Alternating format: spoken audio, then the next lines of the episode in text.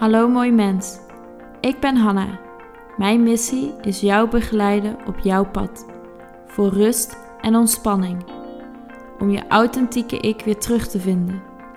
En dit doe ik door middel van yoga, meditatie en healingen. Volg je mij al op social media? Ik zou het leuk vinden om te weten wie jij bent. Interesse in wat ik doe? Kijk dan op www.hannayoga.nl. Podcast 3 alweer. Um, ik had helemaal niet de intentie eigenlijk om een echte podcast te beginnen. En de eerste podcast was eigenlijk meer om mijn missie en mijn meditaties te delen en op de kaart te zetten. Um, maar blijkbaar heb ik iets te vertellen. En wil ik iets kwijt, wil ik delen met jullie. Ja, ik vind het eigenlijk ook heel erg leuk om te doen. En het is ook gewoon heel erg leuk om te zien dat de podcast ook daadwerkelijk wordt uh, beluisterd. Dus dat is ook een fijne bevestiging om hiermee door te gaan. Um, de laatste podcast, podcast 2, uh, ging over lief zijn voor jezelf. Luisteren naar jezelf. Deze podcast heet Kiezen voor jezelf. Ik ga hier nog wat verder op in. Mocht je podcast 2 nog niet hebben geluisterd, dan is het misschien fijn om daar eerst naar te luisteren. Maar het hoeft niet. Je kunt ze ook ehm, los van elkaar beluisteren. Kiezen voor jezelf. Uh, iets waar ik vorige week mee te maken had. Leren nee zeggen is al best moeilijk, maar om echt te gaan staan voor jezelf en je principes is toch wel een heel ander verhaal. En dat was een hele uitdaging. En daar vertel ik later nog wat meer over. Eerst even over wat er gebeurt wanneer je gaat kiezen voor jezelf. En wanneer je lief bent voor jezelf, uh, je grens durft te stellen, nee durft te zeggen, gaat luisteren naar je eigen behoeftes, gaat luisteren naar je lichaam, dan kies je voor jezelf. En dat is misschien in sommige situaties best eng of spannend. Je omgeving gaat misschien anders naar je kijken uh, of misschien iets van vinden. En je zult gegarandeerd tegen weerstand aan gaan lopen. En die weerstand kan uit jezelf komen, je ego, maar ook weerstand vanuit je omgeving. Als eerste je ego. Uh, je mind, je innerlijke criticus, dat stemmetje in je hoofd. En die wilt je het liefst veilig en klein houden. En vooral in je comfortzone houden. En het is helemaal oké dat jouw ego er is. Het komt namelijk voort uit een overlevingsdrang. En in sommige situaties heb je die nodig of heb je die ooit nodig gehad. En soms is je ego ook gewoon echt nodig om vooruit te komen. Alleen vertelt het je af en toe dingen die misschien niet meer van toepassing zijn. En wanneer dat stemmetje de overhand krijgt en alles wilt controleren, dan zit je eigenlijk in de angst. En te veel vasthouden en te bang om los te laten, om te vertrouwen dat het wel goed komt. En ik heb jarenlang alles willen controleren. En controle willen houden is angst. Ik was bang om niet goed genoeg te zijn, bang om mensen tekort te doen, bang om fouten te maken, uh, bang om nee te zeggen, bang om mezelf uit te spreken. En mijn ego was vooral heel goed om mij klein te houden. En ik gaf mezelf daarom geen, mezelf geen ruimte en cijferde daarmee mezelf weg.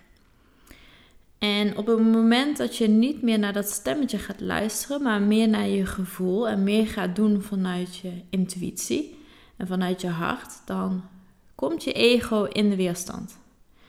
En zeker in het begin, wanneer je meer voor jezelf gaat kiezen, dan gaat je ego nog harder schreeuwen.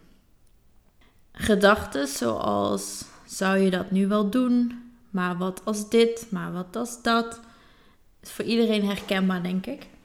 En deze gedachten helpen je zeker bij keuzes maken. In plaats van alleen maar impulsief iets te doen. Ehm, dus het is ook oké om je ego aan te horen. En dan kun je altijd nog zelf beslissen wat je ermee gaat doen. Ehm, maar laat je ego niet de overhand nemen. Ehm, het leven is zoveel mooier wanneer je controle kunt loslaten en in het vertrouwen kunt stappen. En uh, ja, dat spreek ik uit ervaring. Ehm, mijn leven is echt totaal veranderd sinds ik meer kan loslaten en meer kan vertrouwen. En nog steeds werk ik daaraan. Er zijn nog steeds momenten waar ik heel veel uh, wil vasthouden aan iets. En zeker wanneer ik merk dat ik niet in balans ben en wanneer ik in de stress zit, uh, dan kan ik heel snel terugschieten in het uh, controle willen houden. Wanneer je gaat kiezen voor jezelf, dan ga je ook weerstand krijgen vanuit je omgeving. Je gezin, familie, maar misschien ook vanuit je werk, collega's bijvoorbeeld. Je gaat namelijk ineens andere keuzes maken. Je gaat nee zeggen, je gaat meer dingen voor jezelf doen. En anderen kunnen daar iets van vinden. En zeker als ze van jou gewend zijn dat je alles doet. Of dat jij nooit nee zegt.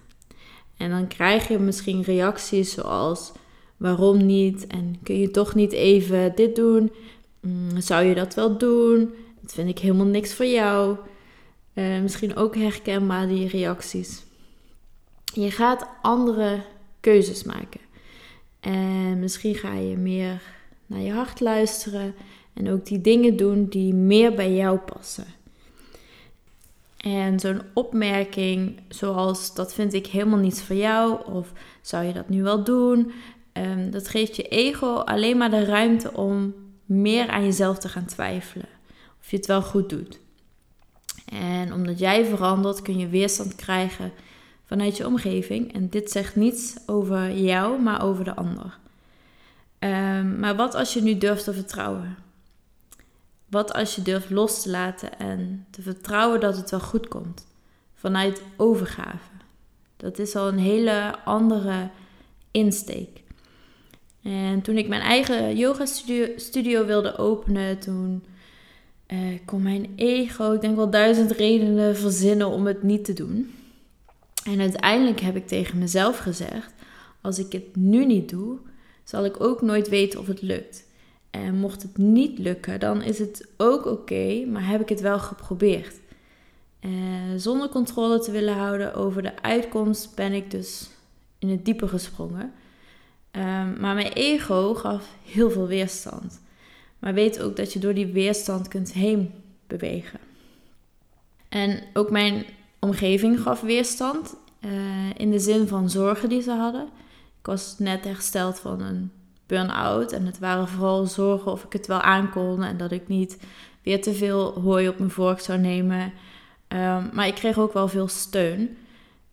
Um, maar een, bepaalde opmerking vanuit je omgeving kan je dus weer uit balans brengen. Um, het kan jouw ego weer voeden door te zeggen: zie je wel.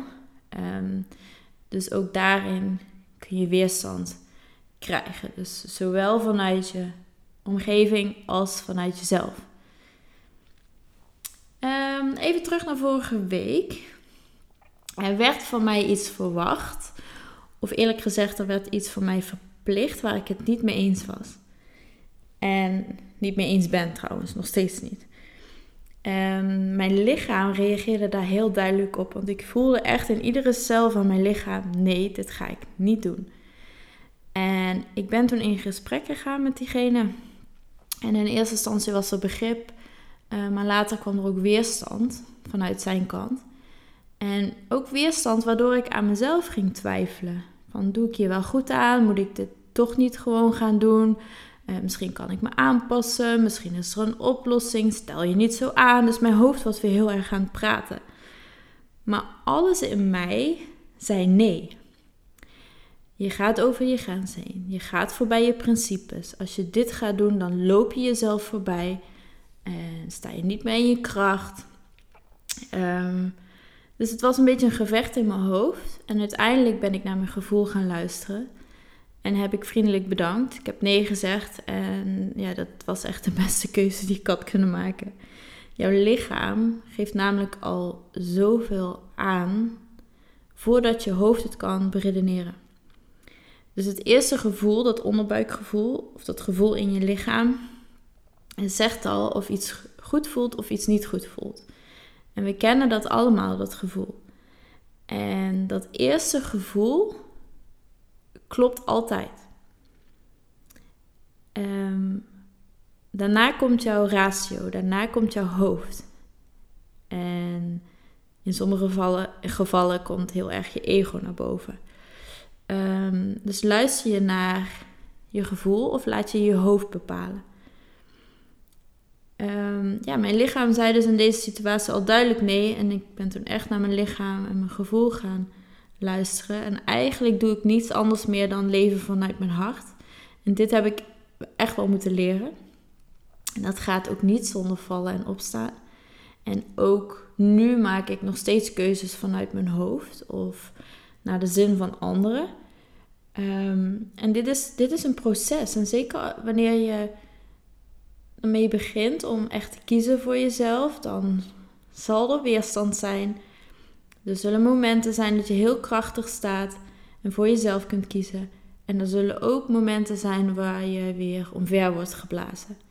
Maar iedere keer dat jij opstaat en meer gaat leven vanuit je hart en durft te kiezen voor jezelf, hoe makkelijker deze weg zal gaan. En kiezen voor jezelf zit al in kleine dingen. Het hoeft niet direct heel groot te zijn. Kiezen voor jezelf is wat jij nodig hebt.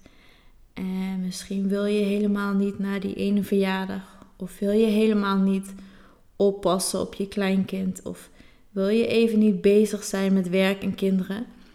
En wil je gewoon ja, uh, doen wat goed voelt. Een stuk wandelen, een uurtje voor jezelf. Een warm bad, een goed boek, een yogales volgen. Kiezen voor jezelf is ruimte creëren en tijd maken voor jou. Kun je makkelijk voor jezelf kiezen? Of heb je daar moeite mee? Heb je wel eens uh, weerstand gehad op het moment dat je voor jezelf koos? In de vorm van je ego of je omgeving? Um, loop je nu een beetje vast omdat je voor een keuze staat en de weerstand in de weg zit? En voel je vrij om mij een bericht te sturen wanneer je je verhaal wilt delen of wanneer je vragen hebt. Dankjewel voor het luisteren van deze podcast. Mocht je vragen hebben, dan kun je me altijd een berichtje sturen via Instagram hannayoga.nl of via de website. En ik hoop je graag te ontmoeten online of misschien in een van mijn lessen. Ik wens je nog een hele fijne dag.